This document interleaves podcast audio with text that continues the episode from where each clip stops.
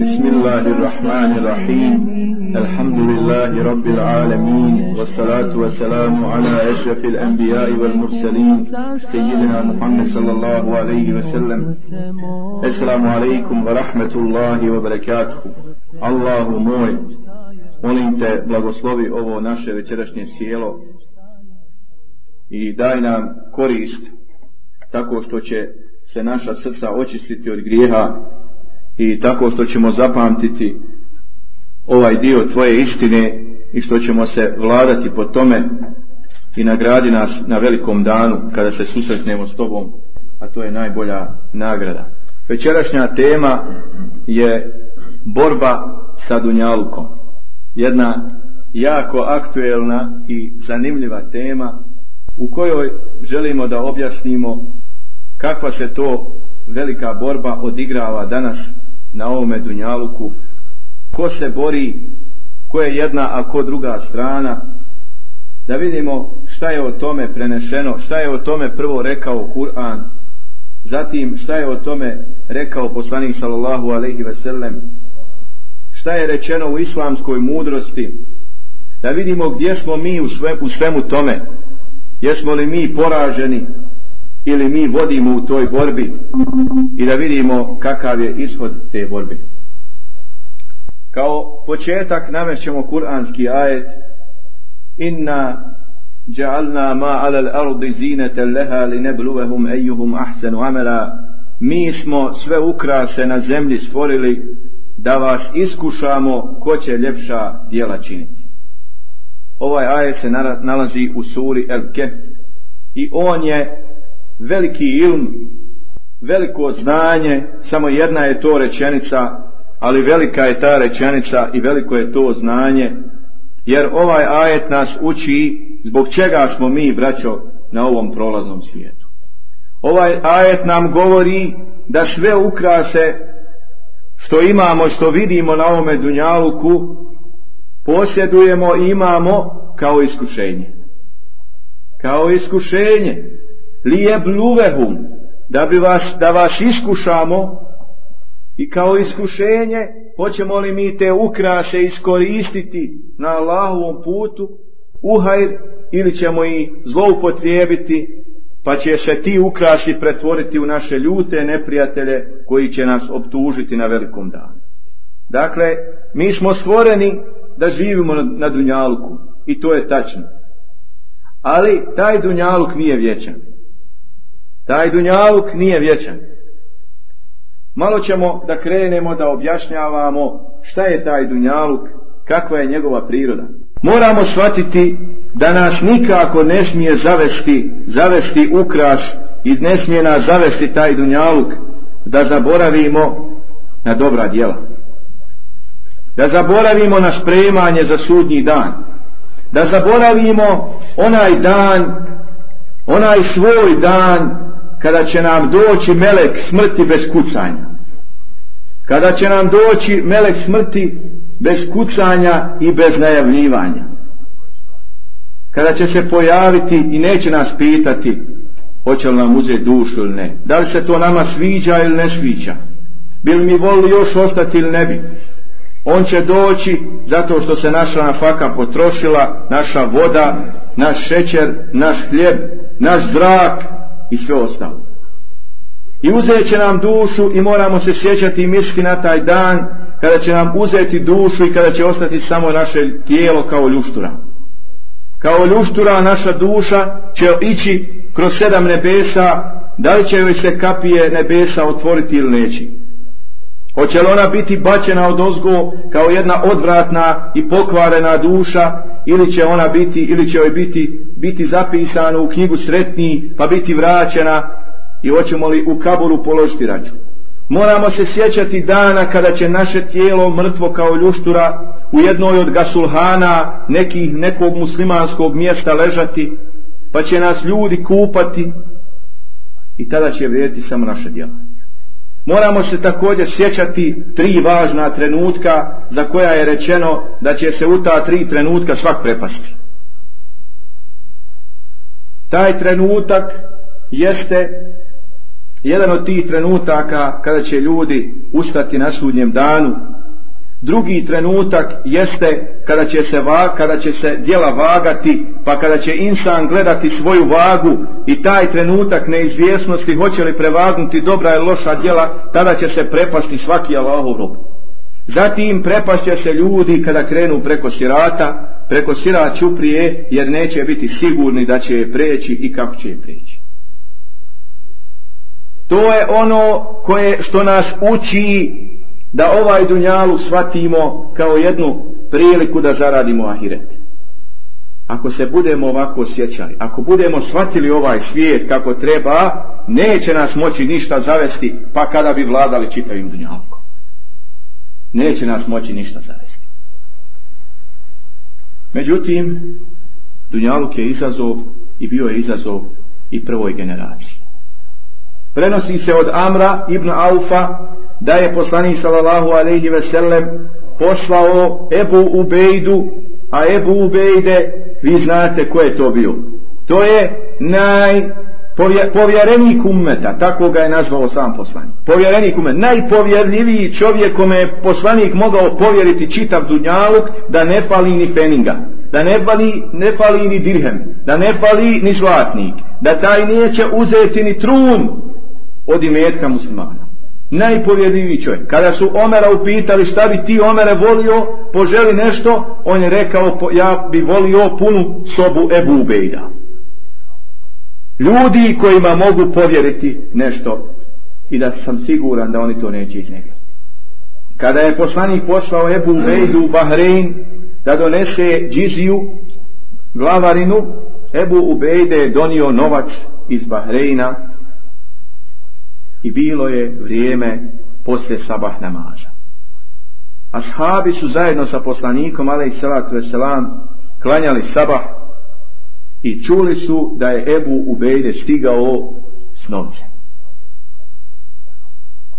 Pa su se pa su požurili nakon što su obavili namaz, izišli su i da vide to. Izišli su porad tog dunjaluka i oni mu se prepriječiše. Znači, napravila je se takva gužva da su se neki ashabi prepriječili poslaniku, a poslanik i salatu selam iz džamije ide kao da nema, da uopšte ništa nije donio. Jer on je bio operisan od Dunjaluka. On nije volio dunjalu, on je volio ahiret, on je bio zaljubljen u ahiret i on je samo maštao o tome kako će živjeti u džennetu, a na ovome je se dunjaluku zadovoljio sa onim što mu je Allah dao ono osnovno i nije dozvolio da ga dunjaluk zavedi. Allahu poslanik ale i selam je vidio i nasmiješivši se rekao ali moramo malo zastati na ovoj riječi nasmiješivši se. Kaže kaže jedna od žena Allahovog poslanika ali i salatu veselam niko se nije više smiješio od Allahovog poslanika niko se više od ljudi nije smiješio od Allahovog poslanika sallallahu alaihi a to je to je njegov karakter to je njegovo ponašanje. To je najljepše ponašanje. Dakle, on je uvijek bio našmijan svome bratu kad ide u susret. I nije imao hilne i nije imao ništa loše u svom srcu prema, prema drugim ljudima vjernicima. On se nasmiješio njima, bez obzira što su oni pohodlili da vide taj dunjaluk šta je to toliko Ebu Bejde donio od imetka i rekao im, Mislim da ste čuli za dolazak Ebu Ubejdi i da je nešto donio. Oni rekoše, tako je Allahu poslaniće. Budite radosni i radujte se onome što vas raduje. Dakle, ovo, gledao sam komentar ovog hadisa, budite radosni i radujte se onome što vas raduje, dobit ćete vi to. Budite radosni, ako se radujete zbog toga, krenuli ste, ne brinite, došla je lova i vi ćete dobiti svoje. Tako mi Allaha, siromaštvo nije to da se bojim za vas, nego se bojim da se Dunjaluk ne otvori pred vama kao što se otvorio pred onim prije vas, te da se nadmećete u njemu kao što su se oni nadmetali, pa da i vas zavede kao što je njih zaveo. Hadis bilježi Buhari. Dakle, izrekao je jednu veliku rečenicu nakon toga, jer se pobojao da to ne ode u krajnost. Da to njihovo traženje toga novca, da, to ne, da ne pretjeraju u tome. U ovom hadisu ima nekoliko pouka. Prva je, u njemu je dokaz da je poslanik Allahov poslanik. Kako? Jer je nagovijestio vrijeme kada će se ummetu otvoriti Dunjalupi. Dakle, nagovještio, a to nije mogao znati osim uz allahu objavu, osim da ga je Allah obavijestio o tome. Druga stvar, dakle, učimo njegovo ponašanje, njegov osmijeh, bez obzira što su oni tako postupili, on se ipak njima nasmijao. I on je ipak njima obećao taj dunjaluk, ali im je dao nasinat. I ovo je treća pouka, kada vidi čovjek svoga brata u vjeri, da nešto pogriješi, Prvo mu se nasmiješi, prvo mu lijepo priđe, a onda mu spomeni neke njegove dobrote i kvalitete, jer nije on samo zlo, on je i tekako dobar čovjek. I onda mu na kraju tek tako da ne nasihat da ne bi dalje nastavio u tim grijesima. Kaže Allah u Kur'anu suri El Alek prijevodu značenja, u istinu čovjek se uzobijesti čim se neovisnim učini. Čovjek se uzobijesti čim se neovisnim učini.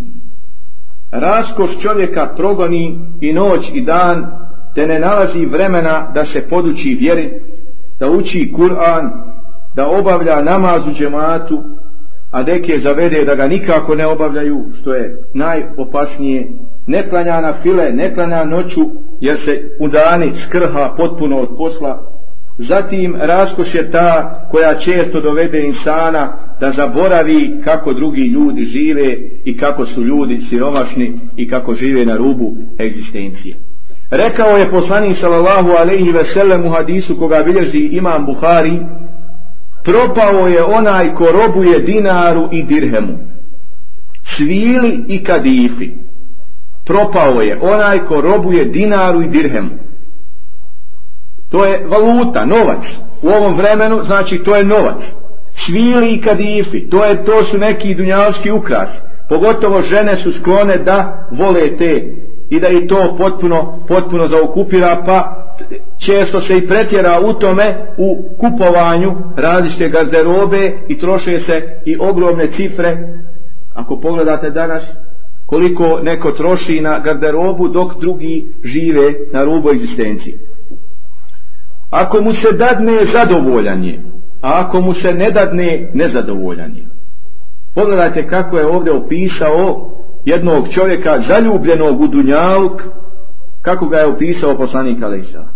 Dakle, on je zadovoljan samo kad ima, ali čim malo mu se ne dadne, nezadovoljan. Ne smije takav biti mumin, niti muminka.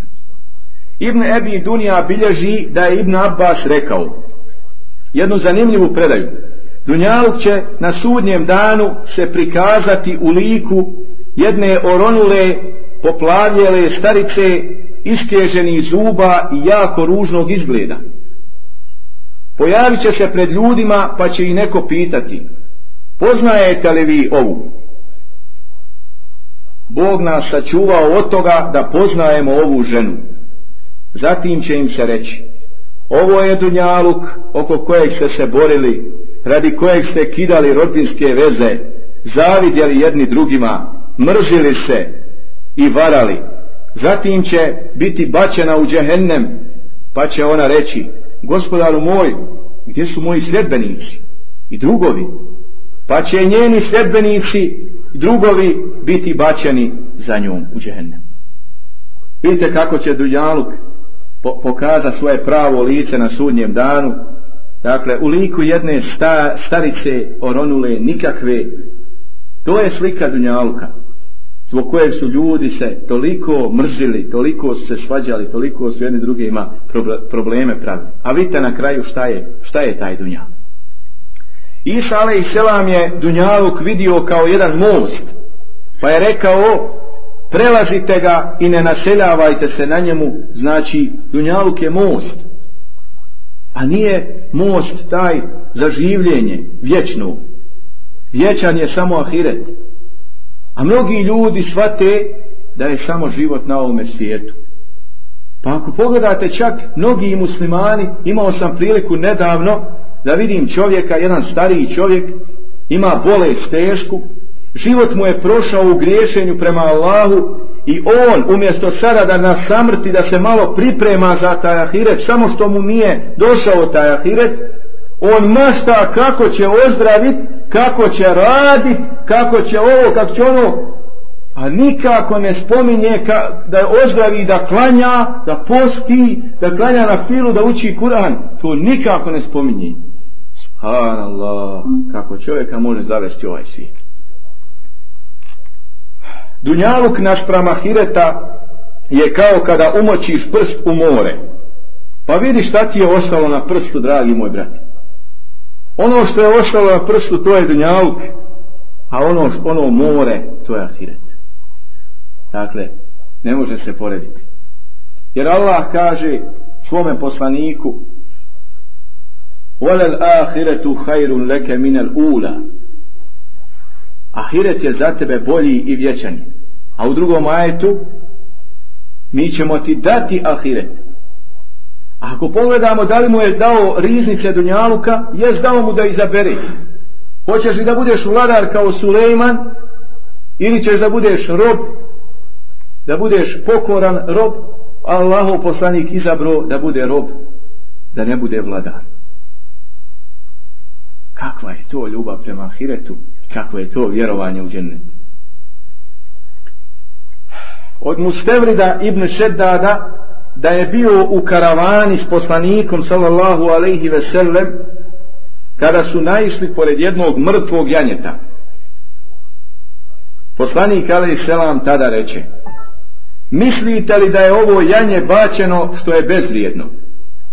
Boži poslaniće odgovoriše mislimo. Dunjaluk je bezvrijedniji kod Allaha nego što je ovo krepano janje bezvrijedno kod vas. Toliko je bezvrijedan dunjalu kod Allaha Đelešanu. Više nego što je bezvrijedno janje u očima nekog krepano janje. Hadis je Hasan Sahi. Ovaj svijet, primjer Dunjaluka je posuda, kao posuda meda koju su primijetile muhe. Neke od njih stale su na ivicu posude, uzele nekoliko slatka, zadovoljile se i odletjele. A neke je pohlepa navela da zavire dole u posudu. Ali kad su zavirile, tu su i ostali. Pohlepa je nagovorila njihova da odu dole, nije im bilo dosta ono gore što su po kraju mogle da uzmu, da se okoriste, nego hajmo mi dole u dubine, pa pokupiti što više od tog meda, od tog dunjalka i naravno zalijepile se tu i tu su se utušile i završile svoj kratki život. E tako ljudi mnogi umjesto da se zadovolje, odnosno da znaju kako će i šta će sa dunjalkom jer mi ćemo kasnije reći, nije to samo da digneš ruke i da sada čekaš smrt. To je pogrešno.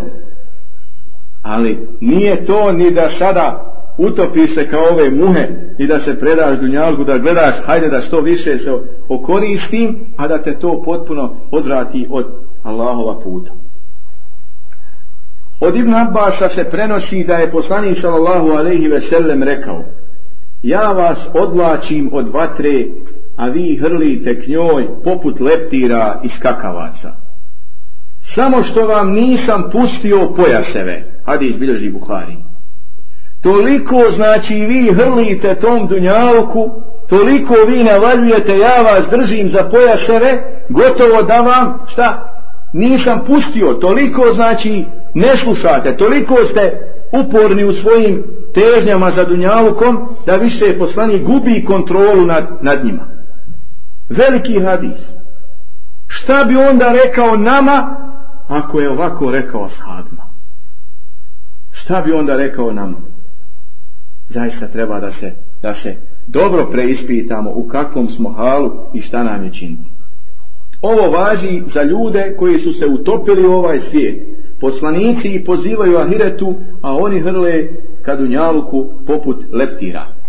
I sada jedan odličan primjer za pouku, primjer čovjeka, njegovog imetka, porodice i dijela. Dakle, primjer čovjeka, njegovog imetka, porodice i dijela. Na jednoj strani čovjek, na drugoj strani tri stvari. Metak, porodica, djela je kao primjer čovjeka koji je imao tri brata. I javio mu se iznenadan put i posao i mora da krene na put. Pa se on obraća svojoj trojci braći. Trebate mi, sašteni ste mi potrebniji nego ikad. Da krenete sa mnom na put i da mi pomognete. Da ostvarim svoj cilj. Pa se okreće jednom bratu, a ovaj mu kaže, dosta sam ti bio brat, ali zaista ja imam sad svoje obaveza i ne mogu s tobom i ne mogu ti ništa pomoći. On se okreće drugom bratu i pita i njega, a on kaže, ja ti mogu pomoć da konja osedlaš, mogu, mogu ti pomoć da natovariš tovar, ali zaista ne mogu ni ja s tobom. I onda se okreće trećem bratu i pita ga, možeš li mi ti pomoći? Kaže, bio sam ti drug u zdravlju i bolesti. I sada sam s tobom. Pravit ću ti društvo tokom putovanja, odmaranja i kada stigneš na odredište. Nikada te neću napuštati. Ti si mi bio najmanje važan brat, reče mu čovjek. Reče ovaj. Ti si mi bio najmanje važan brat. Drugu sam dvojicu više cijenio. Kamo sreće da sam znao kako si dobar pa da te više cijenim od njih. A ko je on u stvari? Njegov primjer je, to su u stvari njegova djela. A prva dva brata su i metak i porodica. I metak i porodica. I još su oni rekli? Došla smo ti mi bili braća, ali sad ti više ne možemo s tobom, niti možemo ista pomoći. A ovaj treći, kojeg je on zanemarivo čitav život, koga skoro da nije smatrao bratom, koga je najmanje cijenio, a koji jeste njegova dobra djela, sada mu on kaže, ja sam s tobom i neće nikako odvajati. Ali jest to tako, međutim ja tebe nema. Ja dobri djela nemam. Ovaj čovjek se kaje, kaje. Čitav život posvetio i metku i porodici, ali djela zanemario. A ispade na kraju da mu je taj brat najbolji. A i tako je. i tako je. Dobra djela su najbolji brat. I neće se odvajati od čovjeka sve do susreta sa Allahom i tada će mu i takako posebno pomoći. Ovo je jedan odličan primjer koji nas uči šta je važno od važnijeg, šta je vrijedno, a šta je najvrijednije. Svakom čovjek treba dati svoje pravo. I metak je dobar dok ga koristimo u hajru porodica, dok nas pomaže u islamu, dok nas pomaže na Božijem putu, dok nas pomaže u pobožnosti, žena, dok nas pomaže u pobožnosti. Ali dobra djela, ako ih čini, ona su ti uvijek, uvijek dobra. Ona te nikad ne mogu izdati. Imam Ahmed bilježi da je Jezid ibn Mejsera rekao, jedan čovjek je davno živio, sakupljao je i metak i gomilao ga jednog dana dok je bio sa svojom porodicom reče. Dakle, jedan čovjek koji je bio volio i metak i samo ga slagu. Imao kasu i samo bacio na kamaru. I šta se dešava dok je bio sa svojom porodicom jednom tako zanemario je on potpuno onaj svijet. Reče, pogledajte njegove mašti. Ovo će mi godinama trajati. Ovo će mi godinama trajati. Istog dana dođe mu melek smrti. U liku siromašnog čovjeka. I pokuća na njegova vrata. Ukućani iziđoše i on im reče, zovite mi vlašnika kući. Oni rekoše, zar da gazda izađe radi takvog čovjeka? A oni ne znaju ko je to. On sačeka neko vrijeme Zatim ponovo pokuca na vrata i reče ukućanima, recite gazdi da sam ja melek smrti. Kada to gazda ču, sjede prestravljen i reče im, lijepo se s njim razgovaraj. Vidite kako se mijenja. Kada strah uhvati. Melek smrti došao, nema više. Nema više, mijenja se u sekundi. Sad druga priča, lijepo sa njim se ponašaj. Rekoši, Koga želiš osim gazdi? Moramo se šta promijeniti, moramo se šta narediti, moramo se šta dogovoriti. Wallahi ne možete, Wallahi ne možete, kad iskuca vrijeme nema sa njim dogovora. Kad on dođe na vrata i zakuca, tu više nema odgađanja. Allah ti dao beričet, još mu pošli tepat. Koga želiš? Može li neko drugi? Jer šteta je. Moramo još da gomilamo taj metak. Ne želim nikoga. Zatim uđe kod gazde i reče mu. Napravi oporuku kakvu želiš. Jer ću ti ja uzeti dušu prije nego što odem odavde. Njegova porodica zavrišta i zaplaka. Reče. A ah, gledajte šta on sad govori. Otvorite sanduke i čupove sa blagom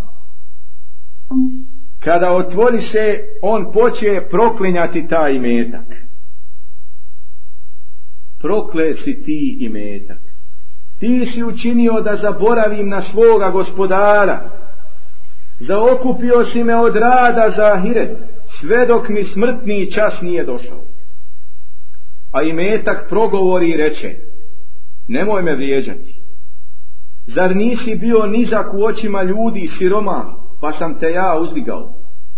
Zar nisi zbog mene bio priman kod kraljeva i uglednih? Kada bi dobri Allahovi robovi došli, ne bi mogli ući. Zar nisi prosio kćeri kraljeva i gospode, pa su te prihvaćali? A Allahovi dobri robovi bili su odbijani. To je zbilja tako. To je i danas tako. Ako ima imetka, ako je bogat, bujrum. Bujrum nas sva vrata ulazi i djevojka odmah pristaje. Ako je neki Allahov rob miskin, ali pobožan, ali dobar u vjeri, a čeka malo dok mi istihara klanjamo, dok mi malo to vidimo, pa da dok se jedna sura sabre, sabere, dok se malo porazgovara i naravno na kraju ispare nemoj dolazi sine više. Nema ovdje za tebe na fakir. Kaže, zar me nisi trošio na loše stvari? E ovo je bitno, ovo je centralni dio predavanja. Zar me nisi trošio na loše stvari? Mi nismo protiv imetka, mi nismo protiv bogatstva, naša vjera nije protiv bogatstva, ali ako se ona, ono troši u dobre stvari. Zašto ne? Kako će se džamija napraviti bez imetka? Kako će se islamski centar napraviti bez imetka? Kako će se student jedan završiti fakultete velike bez imetka? Kako će čovjek obični sa svojom porodicom da živi bez imetka? Mi jesmo za imetak, ali da se on troši na Allahovom putu i u najbolje stvari. I kaže, zar me nisi trošio na loše stvari, pa sam ti ja lošim uzvratio. A da si me trošio na dobro, ja ti ne bih tako uzvraćao, ne bi ti loše uzvraćao. Ti si gori od mene, i ja i vi ljudi stvoreni smo. Možemo ići ka dobru ili ka zlu. Tako će govoriti i metak, pa ga se pazite, kaže se na kraju hadisa. Dakle, nije problem da se ima ako se postupa po sljedećem hadisu. Od Ebu Zerla se prenosi da je rekao velike riječi. Izišao sam jedne noći i ugledao Allahovog poslanika sallallahu alaihi ve sellem kako usamljen hoda. Dakle, noć. poslani sallallahu alaihi ve sellem sam hoda jednom ulicom. Ebu Zer izišao i on radi neke svoje potrebe i on je njega primijetio. Pomislio sam da mu možda nije drago da neko ide s njim, pa sam išao u sjeni mjeseca. Pogledajte edeba, pogledajte odgoja, pogledajte karaktera, u komentaru se kaže Ebu Zer je pomislio ako poslanik sam hoda, a on inače nikad nije sam hodao, on je uvijek volio društvo, on je uvijek išao s nekim, ili je to Bebu Bekr, ili Omer, ili Osman, ili ovaj, onaj. Ali mora da poslanik večeras voli da sam hoda, pa neću mu prići da ga ne bi uznemirio. Zamislite taj odgoj. Dakle, bojao se ako mu priđe da mu neće poremetiti njegovo, njegove planove. Možda želi večeras da se opusti i da sam šeda. Pa ga je pratio. Ali druga lekcija iz jedne te iste rečenice. Nije htio da mu, nije htio da mu priđe, ali htio je da i dalje ostane za njim. Zašto? Jer kaže da ne bi ko napao u noći poslanika, ali i salatu veselam, nek sam mu priruči nek sam tu blizu da ne bi ga ko ezijetio, da ga ne bi ko napao. Ali on se okrenuo i vidio me. Upitao je, ko je to? Rekao sam, Ebu Zer, učinio me Allah žrtvom za tebe. han Allah. Učinio me Allah žrtvom za tebe. To je ljubav maksimalna. Više su ga voljeli od oca i od majke. I to treba i mi često da kažemo i da osjećamo u svom srcu. Draži si nam Allahov poslanići i od oca i od majke. I vallahi jest. I ako nije, onda nije dobro. Onda nije dobro. Tako su had volili poslanika, ali sad. Bili su spremni da se žrtvuju za njega. Reče, Ebu Zerre dođi. Išao sam s njim neko vrijeme, pa mi je rekao. I ovaj hadis je tako značajan da bi ga trebalo nekako na vrata, na papir napisati i da kad ulaziš u kuću, izlaziš, da te uvijek opominje. Oni koji imaju mnogo, imat će malo na sudnjem danu. Oni koji imaju mnogo, imat će malo na sudnjem danu, osim oni kojima je Allah dao dobro, pa bude davao i desno i lijevo. Znači, kako je ovo hadis poučen koji bude davao i desno i lijevo i ispred i ispred i iza radeći dobro. Dakle, ovo je to, to ta nauka, učenje, obhođenje sa tim dunjalkom. Kako ga se sačuvati? Tako što će u svemu tome imati udjela za one koji dođu iz desna, iz lijeva, iz sreda i sa zada. Dakle, vidimo ogromne lekcije iz samo jednog hadisa. Prvo, ahlak, učimo stalno neke nove lekcije za ahlak. Ede bi ponašaj. Neka čovjek želi svoj mir. Ne želi da ga svaku uznemiramo Međutim, da li mi imamo osjećaj jedan za drugo? Da li mi pazimo na ta osjećanja kao što je Ebu Zer pazio na, na ono potrebe poslanika i osjećanja? Zatim, da li mi jedan drugog toliko čuvamo i da li toliko jedan drugog volimo i poštujemo? I na kraju krajeva, dakle, Ebu Zer je naučio veliku lekciju i otuda vidimo da je on bio jedan od najskromnijih ashaba i najpobožnijih. To je, dakle, to je bio odgoj, poslanički odgoj. Mi danas u kakvoj živimo situaciji? Nemamo Allahovog poslanika sallallahu alaihi ve selle među nama da nam kaže gdje smo pogriješili. Da nam da vaz kako da se bojimo Allaha, kako da u dunjaluku se snađemo. Mi nismo ni blizu, odnosno nama je puno se otvorio više dunjaluk nego što je to bilo u ovom slučaju sa ashabima. Mi znamo da su oni bili iskušani sve dok nisu počela osvajanja. Ali oni su imali odgoj, vrhunski odgoj. Toliko da im taj imetak nije i nimalo mogao pokvariti. Nije im mogao pokvariti. Tako jedan Abdurrahman ibn Aus imao je ogroman broj imetka, dinara, dirhema, zlata, svega, ali vi gledate njega kao na kraju Allahu poslanji ga obradovo džennetom. Dao je karavanu jednu na Allahovom putu. Čitav, obećao je, zarekao se nakon preseljenja na ahiret poslanika sallahu alaihi sellem, zauzeo se, on je uradio jedno najvećih dijela nakon poslanika alaihi za njegovu porodicu. Šta je uradio?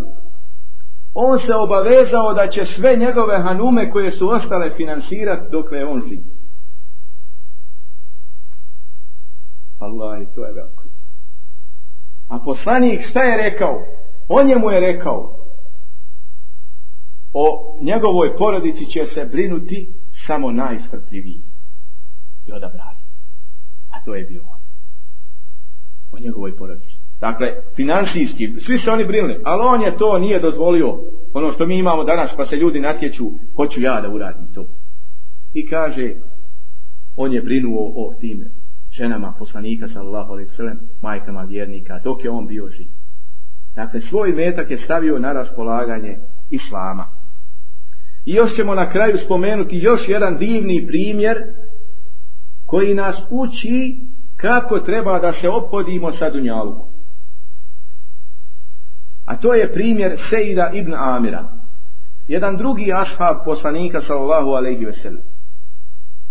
Njegov, do, on je prije islama ima jedan e, događaj vezan za njegov život, a to je on je bio prisutan kao dječak kada su mušlici nakon bitke na Bedru da bi se osvetili poslaniku i njegovim ashabima uh, uh, uh uhvatili su jednog ashaba koji se zvao Hubeib ibn Adi i mučili su ga u, u mjestu Tenaim kod Meke i Allah je odredio da taj dječak Sejid ibn Amir bude prisutan na tom skupu i da bude svjedok tog mučenja jednoga sahaba. A on tada još nije znao za islam. On je s tog događaja ponio nekoliko stvari u svojoj glavi. Prvo, zapamtio je riječi da je taj Hubeib rekao tim ljudima prije nego što me ubijete, Hoćete li mi, ako mi dozvolite da klanjam dva rekiata, učinit ćete mi veliko dobro. Ako mi dozvolite da klanjam dva rekiata namaza. A mi tu učimo koliko su ashabi bili privrženi namazu. I kako su pred smrt željeli da klanjaju dva rekiata namaza jer su vjerovali da je to na danu izuzetno skupo i vrijedno. I, I, kaže, zapamtio je da je ta dva rekiata otklanjao izuzetno lijepo i smireno bez imalo straha. I čak je rekao da se ne bojim, da ćete pomisliti da se bojim smrti, odulio bi ovaj dva rekiata.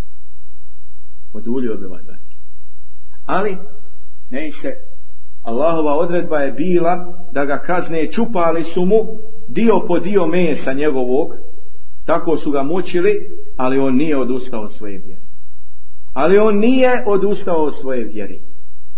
A došlo, rekao je poslanik sallallahu alejhi sellem Doći će vrijeme kada će čovjek osvanuti kao mu'min, a omrknuti kao kjafir, prodajući svoju vjeru za malo dunjalka. Prodajući svoju vjeru za malo dunjalka. A šta je to sa vremenom i sa ovim čovjekom koji nije htio da proda svoju vjeru, makar mu čupali dijelove tijela i tako je i na kraju preselio na Ahiret sa toliko uboda kopljem i stijelom da je se kaže prenosilac to vrlo teško moglo izbrojiti. Ali on je otišao kao mu. I on ne treba ničega da se boji i žalosti na velikom danu. I taj događaj ostavio je veliki trag na na misli i na glavu i na mozak ovoga ashaba. On će nemalo zatim prijeći na islam. I islam je prihvatio i učio od poslanika sallallahu alaihi ve i bio od odabrani ashaba i bio je učesnik bitke na Hajberu i učinio je hijđru u Medinu. A zatim kada je preselio poslanik sallallahu alaihi ve sellem Omer ga je uzeo da bude namjesnik u gradu Homsu da bude namjesnik u gradu Moms. Nakon nekog vremena dođe delegacija iz Homsa i kaže, pita Omer, razgovara sa njima o situaciji i kaže o njima, napišite mi nakon što obavio razgovor imena siromaha u vašem mjestu, pa da im pošaljem koliko treba za to mjesto da se ti siromasi zbrinu. Mi govorimo o dunjalku kako su ashabi znali da vladaju tim Dunjalkom. I sada dolazi depeša i pismo sa spiskom siromaha i Omer čita sve do riječi i ibn Amir.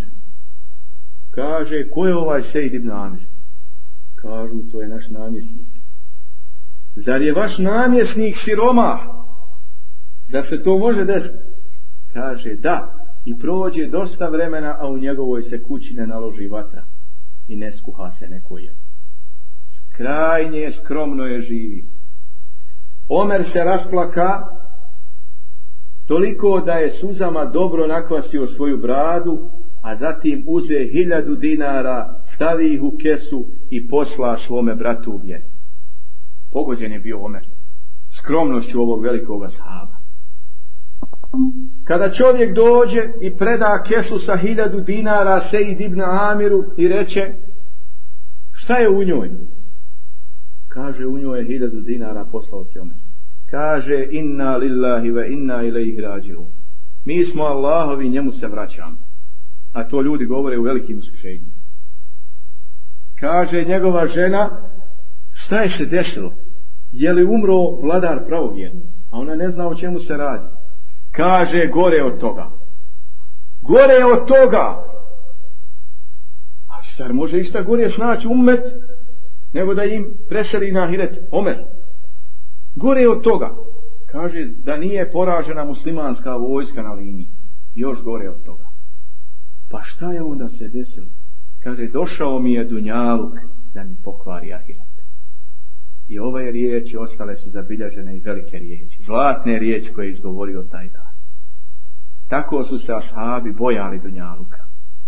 Bojali su se jer su više cijenili vjeru i čuvali su svoju vjeru. Bojali su se za svoj namaz, da, ga, da će ga na brzinu obavljati. Bojali su se za svoju porodicu, da će im to poremetiti atmosferu. Bojali su se za, ostala sva dobra djela, jer onda je frka, onda se trči tamo vamo, ne, ne stiže se ni za osnovne obaveze, a kamoli za nafile. Bojali su se ashabi. I za zato on je, istina je tako da je on to smatrao velikim belajom. Pa kaže žena, pa kaže, kutariši ga se. A on kaže, hoćeš li mi ti pomoći? A ona ne zna da, još da, su da je došlo hiljadu dinara. Ona misli, on je to onako izgovorio, došao mi Dunjalu da im pokvari Ahiret. Kaže, hoćeš li mi ti pomoći? Kaže, hoću. Pristan. On je tu nju uhvatio. U, znači, na, na I kaže, šta se dešava? Kaže, onda ćemo podijeliti ovo siromasno. Onda žena vidjela šta je. Ali gotovo je, rekla je da će mu pomoći. I podijelio je to, podijelio je to siromasima. I nakon izvjesnog vremena dolazi Omer, nakon prošlo neko vrijeme, dolazi Omer u Homs da vidi, da posjeti Sejid ibn Amira i da vidi kakva je situacija. I sad dolazi jedna kod tih ljudi koji su, hajmo reći, neki odbor i kaže imate li kakvi primjedbi na rad mog namjesnika? Jer on je vodio računa o svemu. Omer ibn Hatta, veliki insan. I kažu oni imamo četiri primjedbe na njega. Šta je sunala? On zna da je to velik čovjek. On ne želi da se nimalo promijeni mišljenje o njemu. A oni kažu ima četiri primjedbe. Prva primjedba kaže ujutru nam ne izlazi dok dan prilično ne odmakni. Ne izlazi iz kuće, rekli bi na posao jer je on namjesnik, dok prilično dan ne odmakni. Kaže, šta, šta veliš ti na to, o Sejde Slušajte, spravila šta je Moja porodica nema slugu, pa ja ujutru uzmem na sebe obavezu da potkuham hljeb, sačekam da nadođe i da ga ispeće. I zato ne mogu tek tako rano da iziđe. Allahu ekber. Ashabi su naučeni. A otkuda to? Oni su naučeni da sarađuju sa svojom porodicom, da lijepo žive. Njih je poslani poslanik ali salatu veselam naučio da žive u skladu sa svojom ženom, sa svojom porodicom, sa svojom djecom. A otkuda su to naučili? Pa iz jednog hadisa kojeg kad čuješ ima da plaćeš. Ima da plaćeš kada čuješ kako se najbolje stvorenja Allahov poslanik ali ponašao u svojoj kući. A to je lekcija mnogim ljudima. I mnogi padaju na ovoj lekciji. Kada su pitali jednu od majki pravovjernih, kako se ponašao Allahov Resul u svojoj kući? Kaže, bio je sluga svoje porodice. Bio je sluga svoje porodice. Sluga! To je i divna Amir dobro zapamtio. I oni su imali sklad u svome životu. Oni su poštovali svoje žene. Oni su poštovali i voljeli svoje žene. I pomagali su svoje žene. Ali su i njih njihove žene pomagale i voljeli. Tu je bila obostrana saradnja. Harmonija.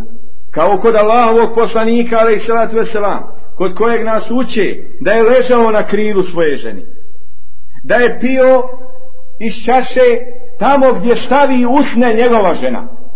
Tamo gdje stavi usne njegova žena, iz ljubavi prema svojoj ženi. Jer bez ljubavi nema života. To je poslanik. To je ahlak islama, ahlak muslimana. Pored ovoga, nema mjesta da nam bilo ko šta drugo ponudi. Ne može nam niko bolje nešto ponuditi. Za bračni život. I za život izvan toga. Za, za administraciju, vidite administraciju Dakle, nema primjedba i Omer je prihvatio tu, tu stvar. Dao mu je odgovor ispravan nije, nije mu ništa komentarisao. Druga stvar, kaže, na se nikom ne odaziva.